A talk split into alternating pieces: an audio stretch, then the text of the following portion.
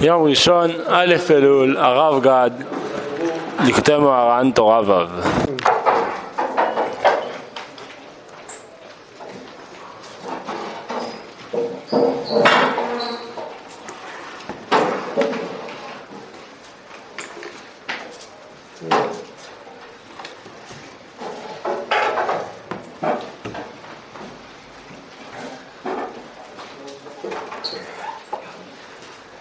טוב, אנחנו נתחיל תורה ו' בעזרת השם.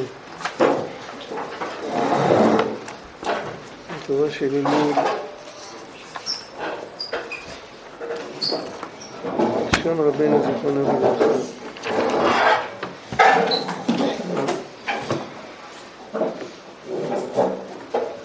זהו, אתה פה?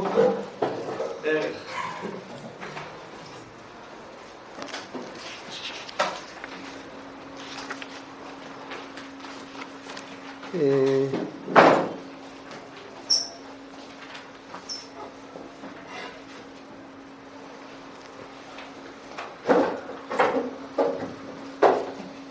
חלק מהתורה הזאת זה כתב יד של רבנו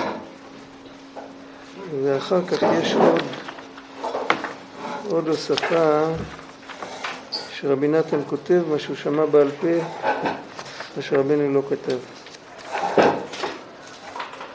החלק הזה שרבנו כתב הוא נכתב מאוד בקיצור ונצטרך לדבר הרבה בעל פה ואיתכם הסליחה זה, זה כתוב ככה ש... מה כתוב שם בפסוק? ויאמר השם אל משה קרא את יהושע והתייצבו באוהל מועד ועצבנו נכון? זה מה שכתוב שם קרא את יהושע והתייצבו באוהל מועד ועצבנו. עוד מילים, תסתכל, יש שם חומש דברים.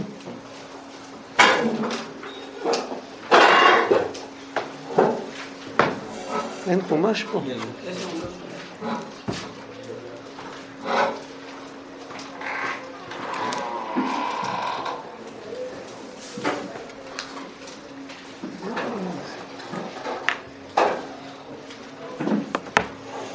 טוב, כשיגיע החומש נראה אם זה ככה כתוב. הגיע? השתבח שמו.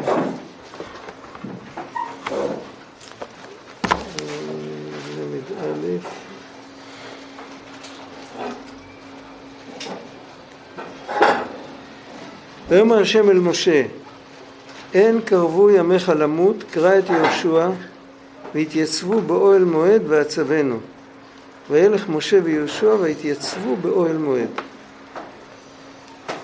וירא השם באוהל בעמוד ענן ויעמוד עמוד הענן על פתח האוהל ויאמר השם אל משה הנך שוכב עם אבותיך וקם העם הזה וזנה אחרי אלוהי נכר הארץ וכולי וכולי מילה אחת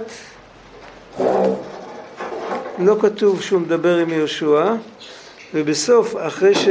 אחרי שנגמר כל מה שהשם אמר למשה, כתוב ויכתוב משה את השירה הזאת ביום ההוא וילמדה את בני ישראל ויצב את יהושע בן נון ממשה, בפשטות. ויום החזק ואמץ כי אתה תביא את בני ישראל אל הארץ וזהו, ואז בשביל מה יהושע היה צריך להיות שם? וכתוב קרא את יהושע והתייסו באוהל מועד ועצבנו את מי, את מי השם יצווה? את יהושע. יש כאן איזה, יש כאן איזה שאלה בפרשה הזאת, שאלה בפשט.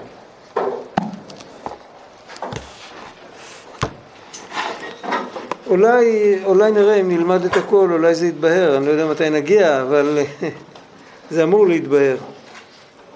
כי צריך כל אדם למעט בכבוד עצמו להרבות בכבוד המקום. קודם כל צריך להסביר טוב את השורה הזאת, אמרתי התורה הזאת נכתבה מאוד בקיצור, מה שמתברר בהמשך שלא מדובר על סתם על בן אדם שכאילו, כמו שהמשנה אומרת, כל הרודף אחר הכבוד, הכבוד בורח ממנו, כל הבורח מן הכבוד, הכבוד רודף אחריו, לא על זה מדובר פה, מדובר שכל העניינים שיש בחיים, כל מה שיש בחיים, בגשמיות, ברוחניות, בעבודת השם, ב- ב- ב- ביחסים בין אדם לחברו, כל מה שיש, תמיד אפשר לבסס כל דבר על שתי נקודות שונות. אפשר לבסס את הכל על כבוד עצמו, אפשר לבסס את הכל על כבוד שמיים. והרבה פעמים אנחנו אפילו לא עושים את הבירור, אנחנו בעצמנו לא יודעים. אנחנו צריכים לשאול את עצמנו שאלה גדולה, למה אתה עושה את זה, ואז יש ערימה שלמה של תשובות, צריך לחשוב רגע, לראות מה נכון, זה כמו מבחן אמריקאי. צריך לחשוב מה מכל התשובות האלה שעולות במוח הן נכונות, ויש כל מיני סימנים להכיר. אם נגיד בן אדם הוא פרפקציוניסט, מכירים את זה? זה או הכל או כלום. אם, אם כבר, אז כבר, עד הסוף. ואם לא, אז, אז סימן שזה עבודת, העבודה שלו, כל מה שהוא עושה, לא משנה אם זה עבודה גשמית, או שזה עבודה רוחנית, או שזה עבודת השם, לא משנה מה, זה מבוסס על כבוד עצמו. הוא הולך להיות מצליחן, אם לא, הוא לא נכנס לזה. זה ברור לגמרי. אם אדם, אם העבודה שלו, אם היגיעה של האדם מבוססת על כבוד שמיים, השם רוצה שאני אתעסק עם זה, השם רוצה שאני אתפלל, שאני אלמד, השם רוצה שאני אפרנס את משפחתי, השם רוצה הרבה דברים. ואם אני לא אצליח מאה אחוזים, אז אה, מי ש... איך הגמרא אומרת, מי שלא יכול לעשות כל המצווה, שגם חצי מצווה שלא יעשה. מתי בן אדם חושב ככה? מתי שהוא מבסס את הכל על כבוד שמיים. הוא לא, הוא לא, לא מחפש את ההצלחה שלו, הוא מחפש לעשות כמה שהוא יכול. כל אשר תמצא בכוחך עשה. זה הפסוק בקהלת. זה, זה הפשט פה, שכל אדם צריך למעט בכבוד עצמו, זאת אומרת למעט לבסס את המעשים שהוא עושה על, ה, על הבסיס של כבוד עצמו, ולהרבות בכבוד שמיים זה להרבות לבסס מה שיותר מעשים, מחשבות, דיבורים, על המוטיב של כבוד שמיים, על כבוד המקום. כי מי שרודף אחר הכבוד, עוד פעם, זה יכול להיות שלא רואים את זה. רק בנפש אצלו הכל מבוסס על כבוד עצמו, אינו זוכה לכבוד אלוקים. הוא לא רואה שכל הכבוד הוא של האלוקים. הוא לא יכול לראות את זה. אם הוא לא מצליח, אז הוא חושב על עצמו, אז הוא מבואס. אם הוא כן מצליח, הוא מתגאה. איפה הקדוש ברוך הוא? לא בתמונה, מעבר לאופק.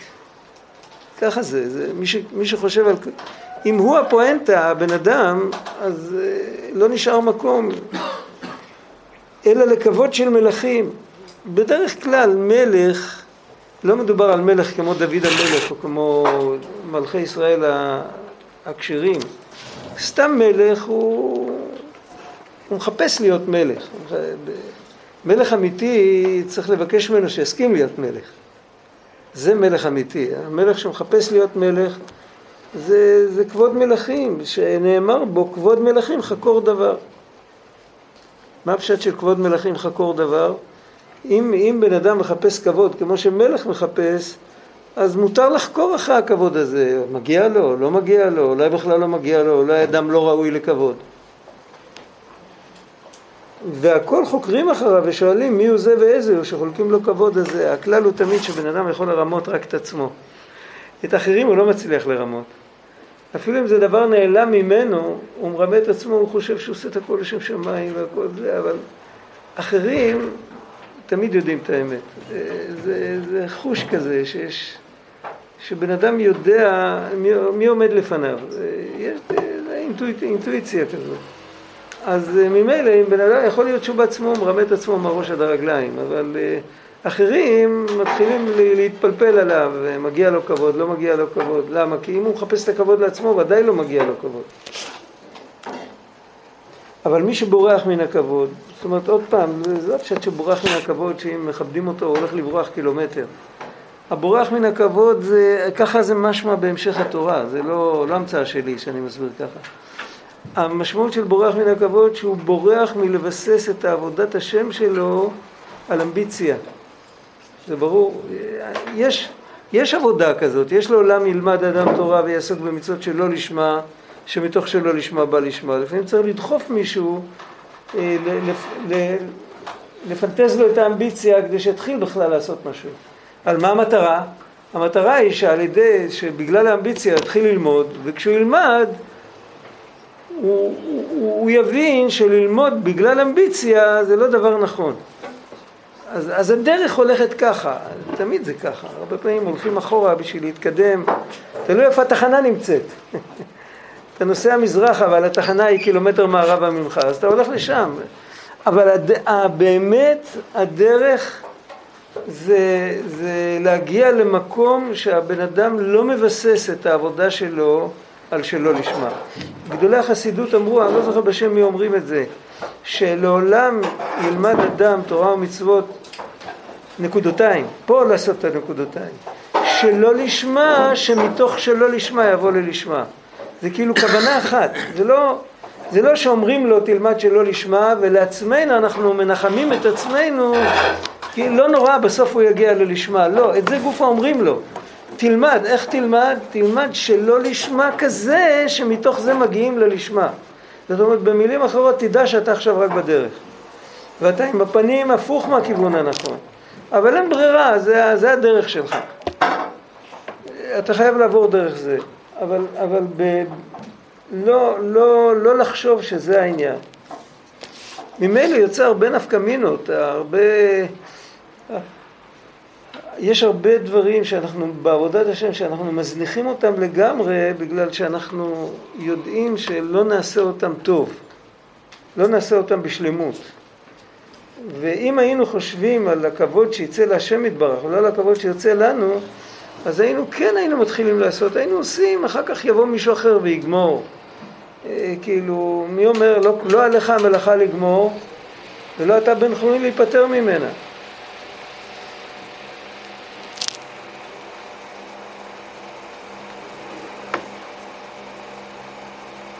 אזי, אם הוא ממעט בכבוד עצמו, מרבה בכבוד המקום, אז הוא זוכה, זוכה לכבוד אלוקים. מה פשוט זוכה לכבוד אלוקים? הוא זוכה להבין שכל הכבוד זה כבוד אלוקים. זה הפשט זוכה לכבוד אלוקים. אה, על מי, על מי, קרא, קראתי פעם סיפור, אני לא זוכר על מי זה היה, שהוא כתב, יכול להיות שהרב זאבי מביא את זה בספר שלו, אני, אני לא יודע, שהוא כתב מכתב ל... לאביו או משהו, איזה צדיק, הוא כתב שהוא בא למקום פלוני ועשו לו הרבה כבוד. זוכרים סיפור כזה? אז אביו קרא לאימו ואמר לו, הנה, קחי נחת מהבן שלך, הוא כבר בבחינה כזאת שהוא כבר יכול לקבל כבוד. אתם זוכרים סיפור כזה? אז כנראה שזה לא שם. אבל יש סיפור כזה, זאת אומרת, לקבל כבוד זה עבודה. אפשר לקבל כבוד כמו טיפש, אפשר לקבל כבוד כמו בן אדם אמיתי. כבוד תלמיד חכם למשל, זה כבוד השם. למה מכבדים תלמיד חכם? כי הוא לומד תורת השם. למה מכבדים כהן? כי בו בחר השם לעמוד לשרת. למה מלמדים, מכבדים את ההורים? כי הם שמעו בקול השם והולידו אותנו. הם יכלו לבחור לא להתחתן בכלל. זאת אומרת שכל כבוד שנותנים למי שלא יהיה זה בעצם בגלל קרבת אלוקים. הכבוד האמיתי הוא למלך הכבוד. ואם בן אדם מקבל כבוד כראוי, קבלת הכבוד זה עבודה, אם בן אדם יודע לקבל כבוד, הוא מבין שמכבדים את השם יתברך. רק הצורה, יש כל מיני צורות איך לכבד את השם יתברך. יש צורה לכבד את השם יתברך על זה שמכבדים כהן, נותנים לו לפתוח ראשון ולברך ראשון, לקרוא ראשון, יש צורה שמכבדים על ידי שמכבדים רב, יש צורה שמכבדים את השם על ידי שמכבדים אבא, ויש צורה שמכבדים את ספרים קדושים, ספר תורה, יש כל מיני דינים של כבוד בהלכה, אבל זה הכל בעצם מכוון לכבד את השם. לא מכבדים את האובייקט. ואז אין בני אדם חוקרים על כבודו אם הוא ראוי אם לאו. אם, אם, אם אתה מרגיש, אם יש לך איזשהו אינטואיציה להרגיש שהבן אדם שעומד מולך הוא באמת לא מחפש את הכבוד לעצמו, אז אתה, אתה כאילו, אתה, כמו שכתוב בגמרא, אין בודקים מן המזבח ולמעלה. כהן שמשרת על המזבח לא, לא, לא מבררים יותר את הייחוס שלו. חזקה על בית דין של כהנים שלא נתנו לו אישור לעבוד על המזבח עד שהם לא בדקו את הייחוס שלו עשר דורות קודם. אז אותו דבר, יש אנשים שאותם, אתה מרגיש שהבן אדם הזה הוא יראה אלוקים באמת, אתה לא, אתה לא מערער על ה... כאילו על ה... על הכבוד שנותנים לו, כי בעצם זה עוד פעם, זה, זה נרגש שזה מה שהשם רוצה, זה כבוד השם. ועליו נאמר כבוד אלוקים אסתר דבר, כי אסור לחקור על הכבוד הזה. עכשיו, לכאורה, אז יש לנו עבודה פשוטה. מה העבודה הזאת? העבודה הזאת זה לקחת, לעשות חשבון. סוג חשבון שכבר למדנו עליו בעבר. זה עוד סוג של חשבון נפש. לא לחשוב מה אני עושה, אלא לחשוב למה אני עושה. זה לא כל כך קשה, זה יותר מורכב קצת, אבל זה, אם לוקחים זמן, אפשר ו- ולנסות להתפלל על כל פנים, זה לא הולך עם החלטות כל כך.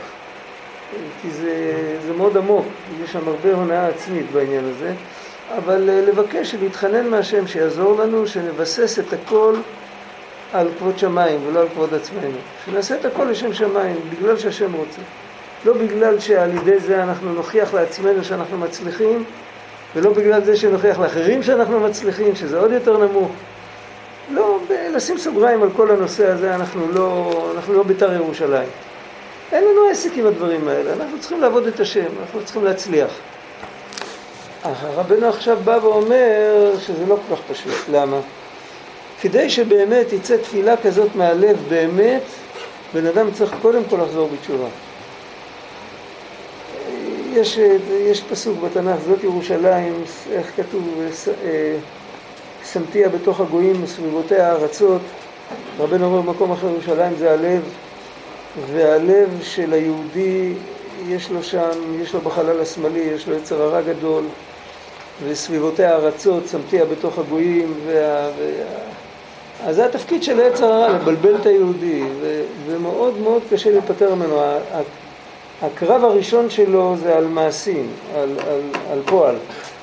אבל כשהוא רואה שלא יכול להחשיב את הבן אדם בפועל, אז יש פסוק למען תפוס את בני ישראל, איך כתוב שם? בליבם. הוא לא מצליח לתפוס את הבן אדם הזה, הוא מתוקתק, שולחן ערוך, הוא עושה את הכל בזמן בדיוק כמו שצריך, עם הידור, הוא תופס אותו בלב והוא גונב לו את הלב. איך אמר רב שמחה בונים בסיסחה, הוא גונב את הנקודה.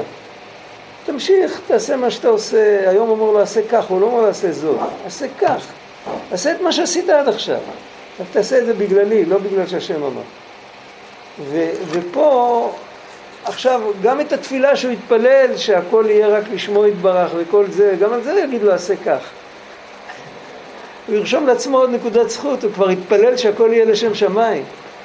אז זה לא הולך. אז קודם כל, צריך, זה כמו שבן אדם לא יכול לתפוס את עצמו ולהרים את עצמו באוזניים, כאילו, הוא צריך נקודה ארכימדית, צריך משהו מבחוץ, צריך איזה עוגן אמיתי בשביל להשתנות. לא, אי אפשר ככה. אין חבוש מתיר עצמו בבית האסורים. רבנו אומר שזה בדיוק, זה בדיוק המצווה של התשובה. הנקודה הזאת של המפתח של בית האסורים, שהחבוש לא מתיר עצמו, אבל מישהו בא ומתיר אותו, זה התפקיד של מצוות התשובה. מצוות התשובה בעצם זה פלא. השם נתן מצווה שאם יעברו על המצוות, תהיה מצווה לקיים. אל תעבור על המצוות, לכאורה אי אפשר לקיים את המצווה הזאת בלי לעבור על מצווה אחרת. זה פלא, לא מצינו עוד דבר כזה. מה הנקודה היא שזה לאו דווקא. לאו דווקא. המצווה של התשובה זה סוג של, זה המפתחות של הבית כלא. איפה שאתה נמצא התשובה יכולה לעזור לך. זה כל כך טוב שזה מתאים אפילו לתא הכי נמוך, לשאול. והמפתח הזה מתאים גם למחלקה הסגורה. ואז אפילו אם חטאת, אז אתה יכול לצאת עם תשובה, אבל בעצם התשובה זה לשוב אל השם. ומה המושג של לשוב אל השם? זה בדיוק מה שלמדנו קודם. לשוב אל השם, זה מאיפה, מאיפה להתרחק כדי לשוב אל השם? השם הרי נמצא בכל מקום, מה צריך לשוב אל השם? אבל בכל מקום שהשם נמצא, גם האגו נמצא. זה ברור? לשוב אל השם זה במקום לחפש את ההצלחה שלי, לחפש כבוד שמיים. זה הנקודה, וזה עצמו התשובה. רק צריך לדעת שכאן, קודם שדיברנו על uh, למעט בכבוד עצמו, להרבות כל זמן שלא קראנו לזה תשובה, אז uh, זה כאילו מכוח האנרציה, אתה כאילו ממשיך עם, אותו, עם אותם עניינים של עד עכשיו, נוספה, לך תובנה, ברגע שאומרים לך שזה תשובה, אז אתה מבין שזה לא עובד ככה. אתה צריך לעצור, לעשות 180 מעלות, לבסס את הכל על דבר אחר, כאילו מה שהיה עד עכשיו זה בכלל לא חשוב. זה כמו להיוולד מחדש, זה הנושא של תשובה. וזה כתוב הלאה בתורה, השם של התשובה זה השם של אהיה. אני כבר, אני, מה אני אהיה? אני כבר עכשיו קיים, לא. בעל תשובה משנה את שמו, כתוב ברמב"ם. הוא נולד. זה ברור, אז צריך להיכנס לראש הזה של התחלה חדשה. ויש הרבה לדבר על מה המושג של התא, יש, יש התחדשות בכל מיני דברים, אפשר לחדש מעשים, אפשר לחדש מוח, יש הרבה תורות שמדובר על התחדשות, אבל כאן מדובר שבן אדם מחדש את כל כולו, כל המציאות שלו. אי אפשר לזכות לכבוד הזה על ידי תשובה. עכשיו עיקר התשובה זה שכשישמע בזיונו ידום וישתוק, זה, זה זכות. כשהיינו ילדים היה אצלנו יהודי זקן, היה יהודי צדיק, הוא עבד בסולל בונה, הוא כל הזמן חזר משניות בעל פה. הוא היה כל כך שקוע במשניות שפעם התמוטט, קיר כורכר לידו ואחד מהחברים שלו היה צריך לסחוב אותו, הוא לא שם לב מה שנופלים אבנים. היה יהודי כזה, יהודי מאוד מאוד מיוחד, הוא כמעט לא דיבר. כל הזמן למד, התפלל ואמר תהילים וזה, הוא לא דיבר, אבל פעם בחודש היה יושב עם ככה, היה יושב קצת, היה פותח את הפה שלו. אז פעם הוא אמר, אה, כשמישהו מבזה אותך, אתה צריך להגיד לו תודה, כי הוא חוסך לך עבודה. חוסך לך עבודה. מה הפשט, נו, לך תביא מישהו שיבזה אותך. מתי חטפת בזיונות פעם האחרונה? הרבה זמן לא. קודם כל צריך להתחתן בשביל זה, אז לפעמים האישה מזכה. אז זה, זה זכות גדולה, אנשים צדקניות בזכותם נגאלו ממצרים. אבל, אבל אה, בדרך כלל, כל זמן שאנחנו ככה חופשיים לנפשנו, כולם מנומסים, אף אחד, לפעמים באיזו התוועדות מישהו זורק לך מגרת בראש, זה, זה מאוד נדיר. אתה לא יכול לסמוך על זה שיבזו אותך, אבל רבי אברהם כותב בביאור הליקוטים שכל יהודי יכול לקיים את זה כל יום בקריאת שמע של המיטה. זה עבודה של קריאת שמע של המיטה, שישמע בזיונו וידום וישתוק. שיעשה חשבון צדק, איך שעבר עליו היום, ואם הוא יעשה חשבון צדק הוא יהיה אדום כמו סלק. הוא יתבייש. ואז הנטייה הטבעית שלו, בגלל שהכל מבוסס על רצון להצליח, הנטייה הטבעית שלו זה להיות כמו אלישע בן אבויה, לא הולך לי העולם הבא, אני אברח לעולם הזה, יאללה, זה לא בשבילי, אני, עזוב אותי. הדתיים האלה מבלבלים במוח יותר מדי, זה, זה לא בשבילי. עכשיו, אם הוא, יש לו את הכוח, הכוח הנפשי הזה לשמוע בזיונו ולדום ולשתוק, ולא לתת בעיטה, ולא לברוח, ולא להגיד זה כאילו, בסדר, זה באמת לא בשבילי, ואני לא טוב בזה, אבל אני ממשיך.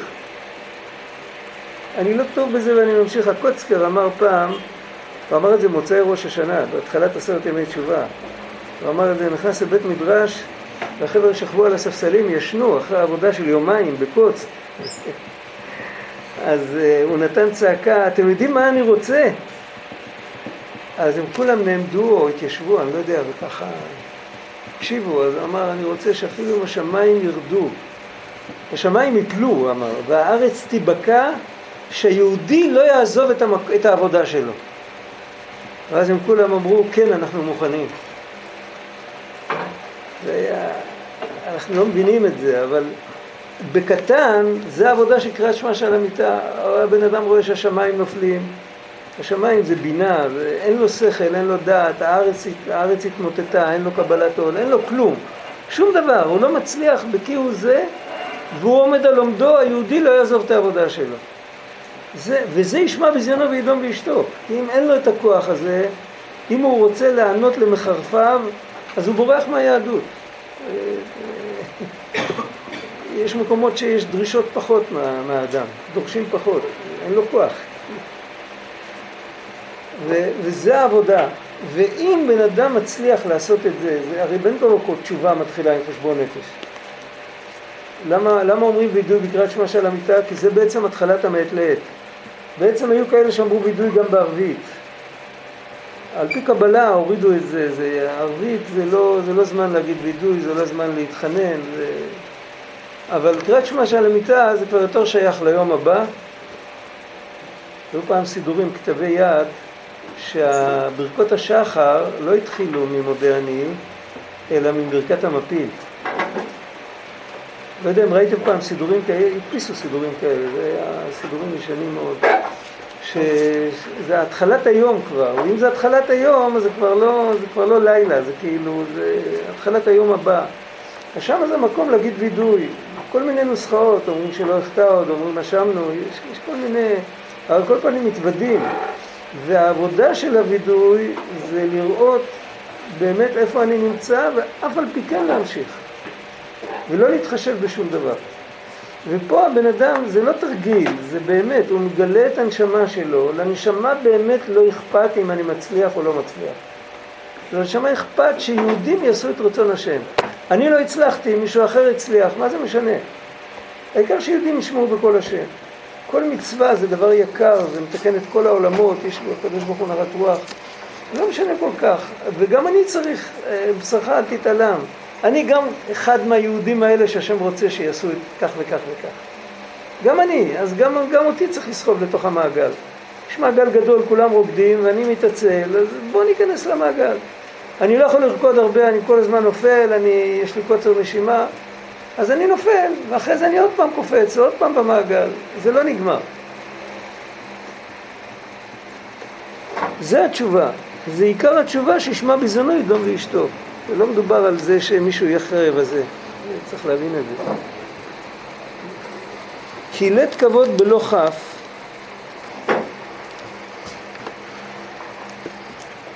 והכף הוא כתר. מה שכתוב כאן שהמילה כבוד והמילה כתר שניהם יש להם את אותו ראשי תיבות. יש להם את אותה מילה ראשונה, אותה אות ראשונה במילה. המילה הזאת היא כף.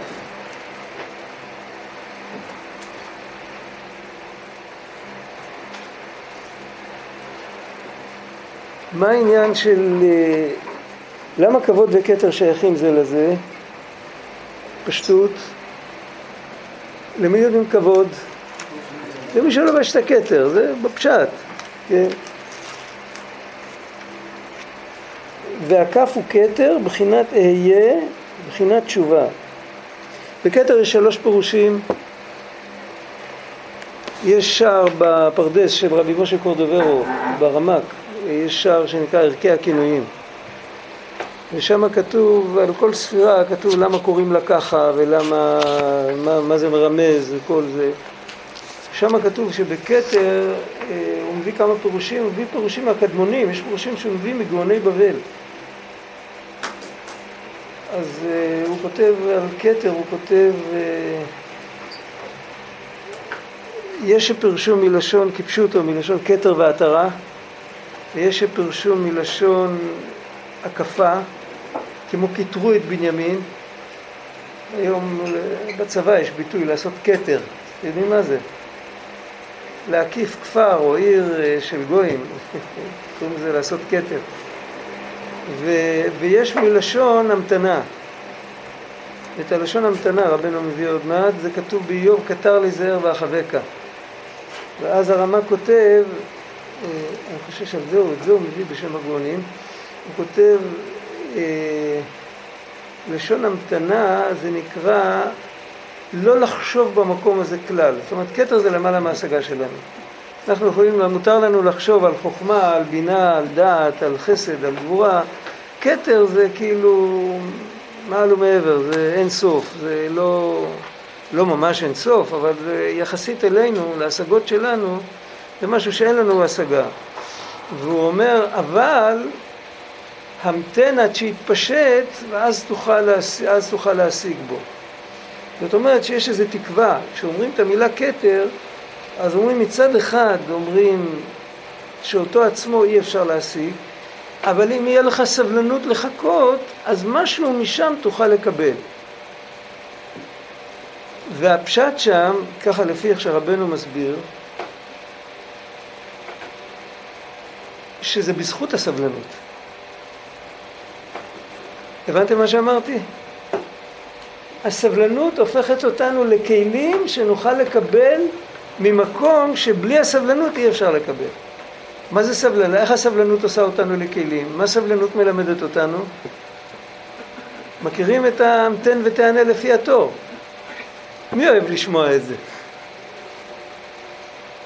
בעל גאווה לא אוהב שאומרים לו תמתין, הוא לא אוהב שאומרים לו תחפש, הוא צריך למצוא מהר. הוא לא אוהב לחפש. נאבד לו משהו, הוא קונה חדש. אני אחפש? לחפש זה נקרא להתבאס. לחפש פה ולא למצוא, לחפש שם ולא למצוא. בסוף, בסוף, אחרי שהוא כבר אלף פעמים התבייש והתבזה, בסוף אומרים, נא, נא, קח. זה ביזיון, אפילו כשהוא מוצא זה ביזיון בשבילו. הוא לא אוהב את כל הסיטואציה, בעל גאווה לא אוהב לחפש, לא אוהב לחכות, הוא לא אוהב את הדברים האלה, הוא לא אוהב לנסות. אולי הוא ינסה והוא לא יצליח. רגע, ואם לא תנסה מה יהיה? כן יהיה לך. אם אני לא אנסה, לפחות אני לא, לא יתפוצץ לי בפנים שניסיתי ולא הצלחתי. אז זהו, עכשיו, כל מי שמבסס את הכל על כבוד עצמו הוא בעל גאווה. עכשיו, כל העבודה שאומרים לו פה, תנסה, תחפש, חיפשת משהו, ביקשת משם את השם אלוקיך ומצאת, תחפש, תבקש, אל תיקח, תבקש, תקבל, אתה לא לוקח, ותמתין. וצריך להמתין עד, איך כתוב שם, כמו שהשם יתברך ממתין, עד יום מותו אחכה לו, אם ישוב מיד יקבלו, צריך לקיים והלכת בדרכיו. אז אנחנו, אני מאמין באמונה שלמה בביאת המשיח, ואף על פי שהתמהמה, אחכה לו. ואותו דבר קרבה אל נפשי גאלה, ביאת המשיח הפרטי שיש אצל כל אחד. בן אדם יכול לחכות. אמרתי לכם פעם, אמר לי פעם חבר, מה זה חסיד? זה אחד שיכול לשים רגל ליד דלת סגורה, להחזיק בידית 60 שנה ולחכות. ברגע שפותחים לו, הוא דוחף רגל שלא יוכלו לסגור. אבל הוא 60 שנה הוא חיכה. אז זה העבודה בעצם. ותכף נראה, הוא מביא את זה מחז"ל. מבחינת תשובה, זה העבודה, העבודה היא לחכות להתחיל להיות. האמת שאהיה, הקדוש ברוך הוא אומר, הקדוש ברוך הוא אומר, אהיה אשר אהיה, נכון? אני אהיה איתכם. זאת אומרת, אתם לא יכולים להשיג אותי, אבל אתם תקבלו ממני איזה שדר ש, שאת זה כן תוכלו להשיג. זה המשמעות של אני אהיה איתכם. ענה זמין להתגליה. והבן אדם גם צריך ללכת והלכת בדרכה ולהגיד אני אהיה, עכשיו אני על הקרשים, אני כלום, אני עין ואפס. אבל יש בי כוח להתרומם ואני אהיה. זאת אומרת, כל מה שהיה עד עכשיו זה לא משנה. לא שהוא תוהה על הראשונות, חס, וחס, חס ושלום. אבל כל מה שהיה עד עכשיו זה היה מבוסס על, אה, על השלא לשמה, כמו שאומרים. בסדר, עברתי, הגעתי לתחנה, הלכתי בכיוון ההפוך, הגעתי לתחנה. יש בן אדם שבשביל להגיע לטרמפיאדה או לתחנה הוא צריך ללכת בדיוק בכיוון ההפוך של אה, לאן שהוא צריך לנסוע. הלכתי כבר, זהו, עד עכשיו, מספיק, די, גמרנו. עכשיו, מעכשיו צריך להתחיל להתקדם. ולהתקדם באמת זה להפסיק לרצות להתקדם. זה ברור? זה להתקדם באמת. כל זמן שבן אדם הוא רוצה להתקדם, אז הוא מסתובב מסביב עצמו, זה כמו... הוא, הוא, לא, הוא לא מתקדם, הוא נמצא באותו מקום, הוא כל הזמן, הוא עובד את עצמו, הוא לא עובד את השם. ברגע שהוא מבין את זה, והוא שם את כל הדברים האלה בצד, באותו רגע הוא באמת מתחיל להתקדם. הוא מתחיל לחזור בתשובה. טוב, אבל מה שהרב אמר קודם על ה"אהיה", שמתישהו כן. כן יהיה. אז... אה, כן, אבל זה לא זה לא זה, יהיה זה זה- לא אני, זה זה אני אחר, זה אני יותר רחב, זה אני זה יותר עדיין עדין. אני, לא? כן, אוקיי.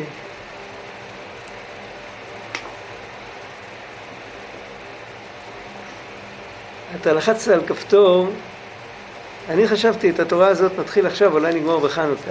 לחצת על כפתור, שאם נתחיל לדבר על זה עכשיו, את זה נגמור בחנוכה, בחנוכה נתחיל את התורה. אז אה, בוא, בוא, בוא בינתיים נשאיר את זה, זה ארוך, זה מאוד ארוך, אבל בוא נגיד מרחוק, יש גם, יש גם את רב זושה שלא אומר אני. אתה מכיר את הסיפורים שאומר זושה זושה? אז בין האני, אני, ובין רב זושה, יש הרבה דרגות שבהם אומרים אני, אבל כל פעם זה אני שהוא יותר... אה, רש"י אומר בסוכה על אני והוא הושיע נא, רש"י אומר שאני זה אחד מהשמות של הקדוש ברוך הוא. מה-72 שמות, רש"י מביא את השלוש פסוקים, וגם והוא זה גם מעוד שם. הבית יוסף נדמה לי מביא איזה מספר ב-72 זה השמות האלה. הבית יוסף או מישהו יותר מאוחר, אני לא זוכר. בהלכות סוכה, בטור זה כתוב. זה כתוב ברש"י במסכת סוכה וזה כתוב בטור, זה לא בכתבי אריזה. כל יהודי שלומד הלכה לומד את זה. ואז אני זה יכול להיות אני והוא, וזה יכול להיות אני והוא. ומה העניין? העניין הוא, זה, יש כאן שני נקודות, זה מה שאפשר להגיד עכשיו. נקודה אחת של התמסרות ונקודה אחת של התרחבות. התמסרות, לנו נראה התמסרות כאילו קיבוץ, נכון? ככה נראה התמסרות. אבל ההתמסרות הזאת מרחיבה אותנו, זה כמו שטיפה נופלת לים והיא נאבדת, אבל עכשיו היא אוקיינוס. דווקא בגלל שהיא לא, אז היא הרבה יותר. ובזה גופה יש הרבה דרגות, וכל פעם שעולים מהשגה להשגה, מעולם לעולם, אז רואים את ההשגה הקודמת, איך שזה היה כולו עני וכולו כאילו שצריך לחזור על זה בתשובה, וזה חלק מהתורה שהוא מדבר, שעל תשוב, על, על התשובה צריך לעשות עוד תשובה, וזה... אז אה, אנחנו נראה את זה בהמשך, אבל זה נכון, מה שאתה טענת זה נכון, באמת אחרי זה, גם אז כשכבר האהיה הזה מגיע, אז צריך להגיד עוד פעם אהיה, כי אסור להישאר שם, נכון. אבל אף על פי כן זה לא כל כך נורא כמו שזה נראה ברגע הראשון. זה לא אותו אני. יש מקום בכלל לרצות את האני, כאילו, את השלב הזה? כאילו. זה מתחיל עם אמונה פשוטה, קודם כל, כל אחד יודע שאני זה לא הגוף. הוא כותב בחב"ד, האדמו"ר הרש"ב, הוא כותב באיזה אחד מהמאמרים שלו, הוא כותב זה שבן אדם אוהב את עצמו אין זה שאוהב את בשרו ודמו. הוא לא כותב שם את הדוגמה, אבל כל אחד מבין את זה. מתקלף לו חתיכת אור או יורד לו חתיכת בשר, הוא לא הולך לנשק את זה, הוא לא אוהב את זה, זה, זה מגעיל אותו, זורק את זה. אז מה זה נקרא שהוא אוהב את עצמו? אז כבר, הוא כבר נותן לך איזו מחשבה שמלמדת אותך שאני זה משהו יותר פנימי ממה שחשבת רגע קודם. עכשיו, כאן מה שאנחנו יכולים ללמוד שזה תהליך שמתמשך עוד ועוד ועוד, כל הזמן. את הפסיעה הראשונה כל אחד יכול לעשות. הנה, עכשיו דיברנו עליה. זה, זה לא נורא, לא צריך לפחד. אנחנו מפחדים שאנחנו נאבד את המוכר, כאילו נשתגע. אבל אנחנו שוכחים שכשנגיע, כשנאבד את המוכר, נגיע למקום כזה שהמוכר יצחיק אותנו. כבר לא נהיה קשורים אליו יותר. יש איזה משל, זה גם משל חבדי, זה משל מהאדמו"ר האמצעי, הבן של בעל התניא. הוא כתב, הוא כתב משל מהחיים שהיו אז, היו פריצים שיהודים ששכרו אצלם את הפונדק, נשארו להם חייבים כסף. הם זורקים אותם לבור, ועל הבור היו שמים מכסה, והיו פותחים פתח קטן שהם לא יחנקו שם בפנים, וכל יום דרך הפתח היו זורקים להם לחם. ופעם זרקו משפחה, האישה הייתה בהיריון, נולד שם ילד. בתוך הבור. והילד גדל, והוא היה שם, היו שם כמה שנים, והוא ידע שזה כל העולם, ויש פתח קטן שמשם יורד לחם. אחרי כמה שנים מישהו ריחם עליהם והלך לפדות אותם. אז פתחו, את, הורידו את כל המכסה והורידו חבלים והוציאו אותם. אז כולם מאוד שמחו, האחים הגדולים שמחו, הם זכרו את העולם בחוץ. הילד הקטן בכה, מאיפה נקבל לחם? הרי למעלה אין את החור הזה. מאיפה נקבל את הלחם? אז זהו אמר משל על העניין הזה, שכל פעם שבן אדם זז, הוא מפחד מה יקרה לו, אבל בעצם הוא יוצא מבית סוהר. כשאתה תהיה למעלה תראה שיש שם הרבה לחם, לא צריך לחכות לפרוסה שהגוי נותן לך.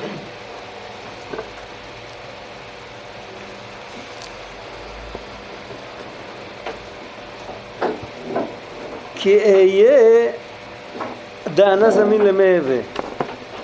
עכשיו מדבר על אהיה, אה, לא, לא מה שהשם יתברך אומר, אהיה אשר אהיה. אהיה אשר אהיה, שהשם יתברך אומר, זה נקרא ענה זמין להתגליה, לא ענה זמין למהווה. ענה זמין למהווה זה אהיה שאומר הבעל תשובה. לכן א' כ' י' כ' זה השם של התשובה. זה השם של הבינה והשם של הכתר והשם של התשובה, לא ניכנס עכשיו לכל הפרטים האלה, לא שאני יודע הרבה מזה, אבל על כל פנים, לכל ספירה, כל ספירה יש שם שדרכה הכלי של הספירה יכול לקבל חיות. כל, כל ספירה. ו, וכל ספירה יש בה גם שם הוויה באור שמתלבש בכלי. על כל פנים, אז שם כל בחסד, שם אלוקים, מידת הדין, זה כולם יודעים, זה כתוב ברש"י בחומש. ו, ויש שמות גם למוחים וגם ל... בדרך כלל במוחים זה הכל שמות הוויה, זה איך שהם מנוקדים רק, זה ההבדל בין ספירה לספירה. אבל ב... יש שם א' כ' י' כ' הוא מרמז על שני, שני מקומות, הוא מרמז על הבינה, הוא מרמז על, ה... על הכתר. ההסבר הפשוט, אם, לא יודע אם צריך להגיד את זה או לא, אבל קצת שיתקבל על הלב רק, שתמיד כשאומרים אהיה לשון עתיד, מדברים על דבר שהוא לא בר השגה עכשיו. זאת אומרת, הוא לא בר השגה לפי המדרגה שאנחנו נמצאים בה. אז לכן זה מרמז על הכתר, כי הכתר הוא למעלה מהשגה. זה מרמז על הבינה, כי גם הבינה באיזשהו מקום, היחס שלה לעולמות הוא יחס מרומם ומנוסה. אה, הלשון בקבלה זה שתפארת של ספירת הבינה היא הופכת להיות הכתר של זעיר אנפין. ועיקר מה שאנחנו מכירים ויש לנו השגה בעולמות זה זעיר אנפין. ולכן זה נקרא זעיר, זה גילוי פנים קטן שאנחנו יכולים להשיג אותו. לא ניכנס לזה יותר מדי. מי שהבין את זה, הבין את זה, מי שלא הבין, השם הטוב יכפר בעדו ו... ובעדי, ובמשך הזמן נבין את הכל. מה שלומדים בעולם הזה ולא מבינים, מבינים אחר כך. אבל על כל פנים, יש איזה, איזה עניין, והשורש של התשובה זה בבינה. אדם לא יכול, אם הוא לא משתמש בבינה שלו, לא יכול לחזור תשובה. זה כל אחד מבין. לחזור בתשובה זה להתחיל להתבונן. להתבונן בגדולת השם ולהתבונן במעשים שלנו ולראות איך שני הדברים האלה הולכים ביחד. זה ברור לגמרי. על כל פנים, הכף הוא כתר, בחינת אהיה, בחינת תשובה. אהיה דענה זמין למהווה, היינו, קודם התשובה עדיין אין לו הוויה. זה באמת צריך להיות החוויה של חשבון הנפש. אדם שעושה חשבון נפש נוקב, אם הוא באמת רואה את הפנים שלו ובלי שערי תירוצים לא ננעלו, כן, בלי כל התירוצים, בלי כל ההצטדקויות, הוא עומד מול הפנים ורואה מול, ה... מול ראי והוא לא מתחיל לנקות את הראי, הוא מבין שזה הוא, הבעיה בפנים שלו. אז החוויה שלו זה שהוא עוד לא נולד, הוא לא התחיל, הוא כאילו לא עשה כלום עם עצמו עד היום. הוא בזבז את החיים שלו, הוא יכול להיות זקן בן 70, זה לא משנה, אבל הוא בזבז את החיים שלו.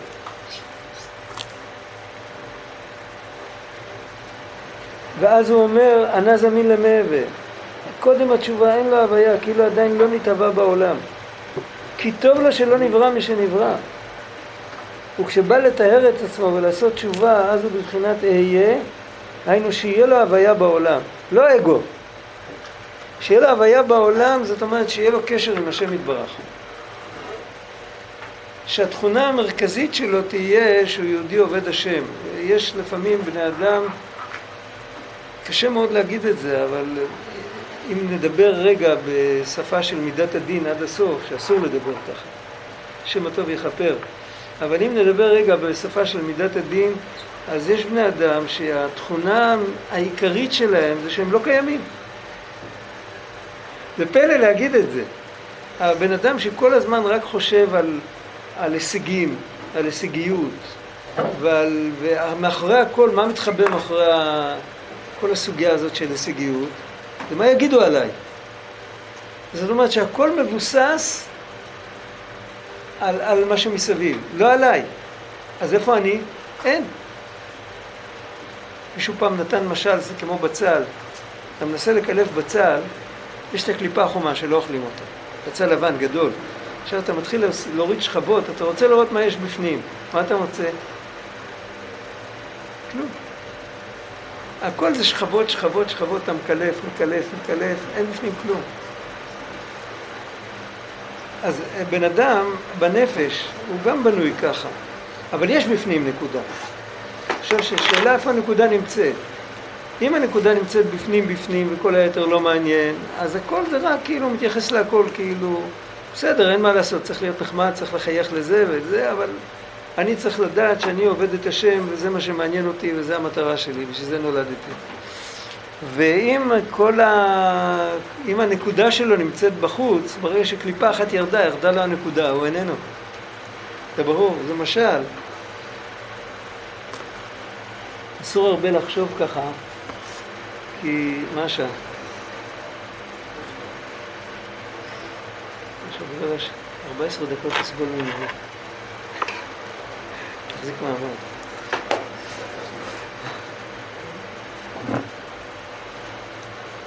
יש קליפה שלא נותנת לישון במצב השבת. יש גם אה, שהגילוי של אליהו הנביא לא נותן לישון במצב השבת. יש כל מיני. אנשים רגילים לא שומעים לא את הקליפה ולא את אליהו הנביא, הם ישנים טוב במוצאי שבת, תהיה בן אדם רגיל. הכל יסתדר לך, ביום ראשון הכל יהיה אחר. על כל פנים, קודם התשובה אין לו הוויה, כאילו עדיין לא נתהווה בעולם, כי טוב לו שלא נברא, וכשבא לתאר את עצמו ולעשות תשובה, אז הוא מבחינת אהיה, היינו שיהיה לו הוויה בעולם, היינו ענה זמין למהווה. וזה בחינת כתר. למה זה בחינת כתר? שני דברים.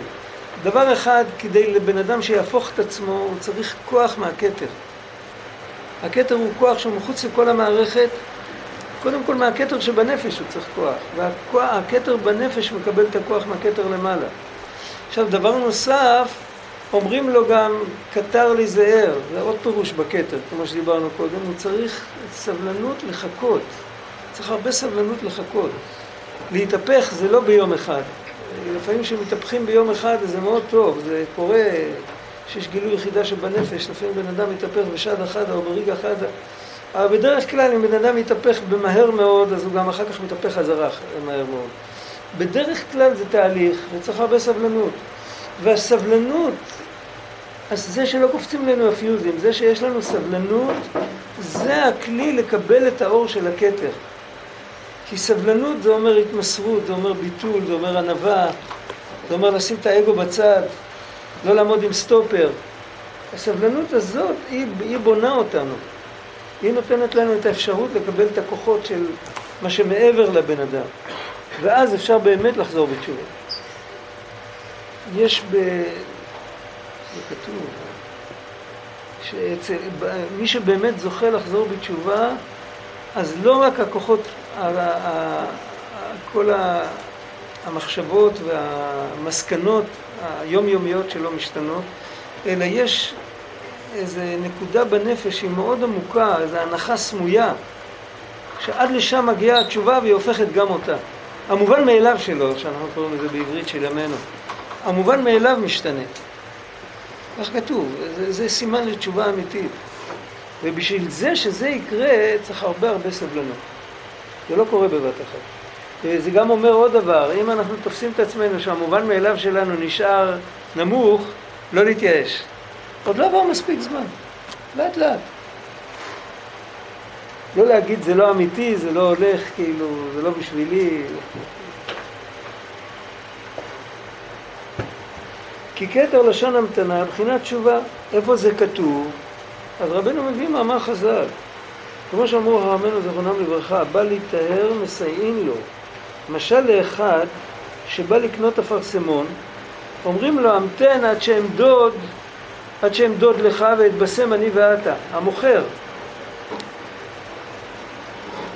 ולהפך, אם הוא בא לקנות נפט, שם בפינה יש נפט, לך תיקח. תיקח לבד. ובן אדם שבא לטמא, פותחים לו. בן אדם שבא לטהר, מסייעים לו, אז כתוב בחז"ל, אומרים לו המתן. כי בשביל לקבל את הסיוע צריך להמתין. זה כמו אחד נכנס לחנות, יש תור של אנשים, אני אתן לך את האפרסמון, אבל אני עסוק עם קונה אחר, אז חכה רגע. נפט אתה יכול לקחת בלי לחכות בתור, תיקח לבד, רק תבוא לשלם אחר כך. זה ברור. אז אותו דבר בעבודת השם, בן אדם מחפש להתקדם, אז אומרים לו, תחכה ואז תקבל את הסיוע. והלחכות, פה לא עומד מישהו בתור. אבל זה שהבן אדם מוכן לחכות, בזה הוא עושה את עצמו כלי לקבל את הסיוע. אם הוא אומר, אני החם, אני אנש, אני כאילו לא מחכה בתור, אני, אני מהברנג'ה. אז הוא לא מקבל את הסיוע, כי את הסיוע יכול לקבל רק אחד כזה שהוא רוח אחרת בו, הוא לא, הוא לא מחפש את הכבוד של עצמו.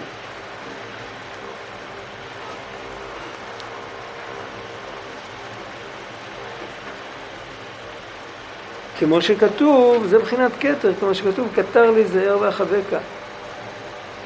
אבל קודם התשובה, אם בן אדם עוד לא בכיוון לעשות תשובה בכלל, הוא כאילו, מה, אני צריך לחזור בתשובה? אני בא מבית דתי, מה אתה רוצה ממני? כאילו נכנס בראש איזה ציור כזה של חוזר בתשובה, שזה אחד ש... כאילו בא מזה, אני יודע, מה זה חוזר? לחזור בתשובה, אנחנו כל יום מתפללים, לחזרנו בתשובה שלמה לפניך. לפני זה מתפללים שבין אבינו לתורתך, שתתחיל ללמוד, ללמוד על מנת לקיים.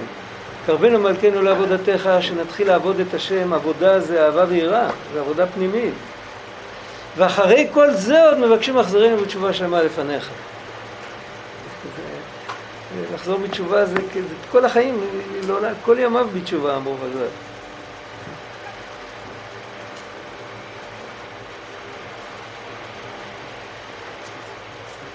קודם התשובה, אזי בחינת אהיה בהסתרת פנים ממנו. הכתר מסתתר ממנו, גם הכתר העליון, גם הכתר שבנפש, ואז אין לו את התקווה, אין לו את העתיד, אין לו... כי עדיין לא הכין את עצמו למעבר בעולם.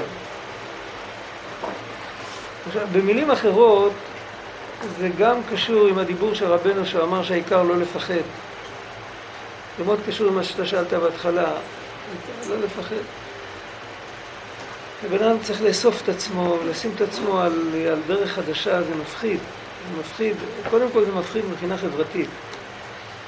ובסיפור של הבעל תפילה, אז רבנו מספר בתחילת הסיפור, הוא מספר שכל בני העולם חיפשו לתפוס את הבעל תפילה.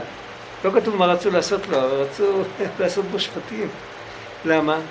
כי פתאום נאבד אצל מישהו הבן שלו, נאבד אצל מישהו חתנו, נאבד אצל זה, נאבדו אנשים, והתברר בסוף שהם כולם אה, בתוך ה... הם נהיו חסידים של הבעל תפילה. מה המשמעות של זה? זה הרי משל. מה פירוש נעלם מישהו? מה נעלם? שם זה מתואר שהם היו מחוץ לעיר, ואנשים חיו בעיר, אז נעלם פתאום, לא ראו אותו ברחוב, לא ראו אותו בעיר. אבל מה זה בעבודת השם? מה זה העניין הזה שמישהו נעלם? זה כמו שאומרים למישהו נעלמת לנו. מכירים את הביטוי? יושבים כל החבר'ה ביחד, מדברים, פתאום אחד הוא נהיה פתאום כזה, נהיה, נהיה פתאום מוזר, הוא נהיה אויבת כזה, נהיה רציני, נהיה זה, נעלמת לנו. ובחברה שאנשים מרגישים אחד את השני, דיבור כזה הוא מאוד מאוד כואב. אם פתאום מישהו יגיד לך, מה, נעלמת לנו, אתה תרגיש נורא, זה או חברותא או מיתותא. וזה ממש מסירות נפש. והפסיעה הראשונה, האמת, אפשר לחזור בתשובה בלי שאף אחד ירגיש. וגם אם מישהו מדבר אליך שטויות, אז אתה מכוון שאתה עושה עכשיו חסד עם בן אדם שצריך להקשיב לו. ואתה עכשיו מקיים מצווה של ואהבת לרעך כמוך, אז אתה חזרת בתשובה, והוא, אתה ממשיך להקשיב לו את כל השטויות שלו. רק צריך לא להאריך בזה, אין בזה עניין, צריך לעשות את זה בלי להיעדר. לצאת ידי חובה עם, uh, כביצה או כאגוז, לא, לא להגדיל את השיעור, אבל על כל פנים, אפשר לחזור בתשובה שאף אחד לא יראה, אבל לא כל אחד הוא מספיק חכם בשביל לחזור בתשובה שאף אחד לא יראה. אז לפעמים כן רואים, אבל ההתחלה של התשובה צריך להיות שלא אכפת לי מה יגידו לי. לא אכפת לי מה יגידו עליי מאחורי הגב ולא אכפת לי מה יגידו לי בפנים. ועל זה יש תורה קצרה בתחילת חלק ב' של אלבותי מהר"ן, לפני התורה א', כתוב אחד היה אברהם, תסתכלו שם, כמה שורות סך הכל. זה התחלה, התחלת התשובה זה אחד היה אברהם. אברהם אבינו לא היה אכפת לו מה יגידו לו. וסתם אמרו לו, זרקו אותו לתוך אש. לא היה אכפת לו אבל.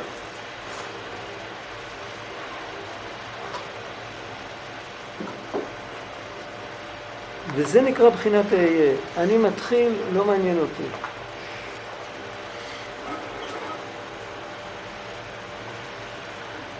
ממילא, והסתרת פני אהיה בגמטרי אדם, יש עוד זמן ללמוד את זה? כן, אולי קצת. היינו שפיכות דמים וביזיונות.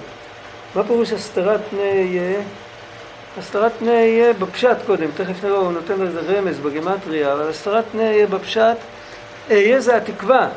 הסתרת פני אהיה זה שהתקווה איננה. כשהתקווה איננה, אז מה כן נשאר? נעלמת לנו, מה קרה לך? הוא נהיה דוס. נשאר השפיכות דמים והביזיונות, זה מה שנשאר. את התקווה אין לי, אז נשאר לי רק הקטע החברתי. אז אני עוד פעם בתוך הבור הזה. עכשיו הוא אומר שזה מרומז, יש כאן הגעה בצד, פירוש. כי אחורי שם א' כ' י' כ' הוא בגימטרי אדם, כמובן. מה פירוש אחורי? א' כ' י' כ' גימטרי כ"א, אך טוב לישראל. מה זה אחר, אחורי? היינו, כשכותבים השם באחוריים, דהיינו שלא מעיזים, מה זה א', א' כ', א' כ' י', א' כ' י' כ'. מי כותב ככה? הוא כותב א', חוזר. לא. הוא מתחיל, לא הולך, הוא חוזר. אחר כך הוא מנסה, הוא מתחיל עוד פעם, הולך עוד פסיעה, חוזר עוד פעם. זה בן אדם שהוא לא מוכן לקבל על עצמו, הוא, הוא בבחינת אחוריים. הוא לא מוכן ללכת, כמו שאומרים, אני הולך על זה. אז הגימטריה של שם א' כ' י' כ', בגלל כל התוספות האלה, בגלל כל הזיגזג שהוא עושה, אז זה הופך להיות גימטריה דם. ומה שהוא מרגיש, ששפכים את דמו, הוא מתבזה. היינו, כשכותבים השם באחוריים, אנו א', א' כ', א' כ' י', א' כ' י' כ', שחוזרים בכל פעם לאחור, בגימטריה דם. זהו בחינת החזרת והסתרת פני א' כ' י' כ' שעולה דם. אז ממילא יש לו שפיכות דמים וביזיונות. אבל להפך, זאת אומרת, זה בדיוק הפוך. זה כמו שאומרים, אשר יגורתי בא לי. אם אתה פוחד ולכן אתה לא רוצה באמת לחזור בתשובה, אז תחטוף את הביזיונות. אם אתה מראש מוותר על הכבוד ואתה הולך על זה והכל על מנת כן, על מנת, איך כתוב שם, הקדוש ברוך הוא אמר למשה רבנו, על מנת שיהיו מחרפים אתכם וסוקלים אתכם. שם מדובר על, נתנו להם תפקיד, אה, איך כתוב שם, אה, עבדות נתתי לכם. ואם בן אדם הולך על זה, אז אדרבה, אז הוא יוצא ידי חובה, עם עצם זה שהוא מקבל את זה על עצמו, ויותר אף אחד לא מבזה אותו. הוא כבר עבר את השלב הזה. הוא נמצא בתקווה, אפילו אם מישהו יבזה אותו, אז זה יצחיק אותו. טוב, אז אנחנו פה, אחרי ההגעה. הגיע הזמן להתפלל.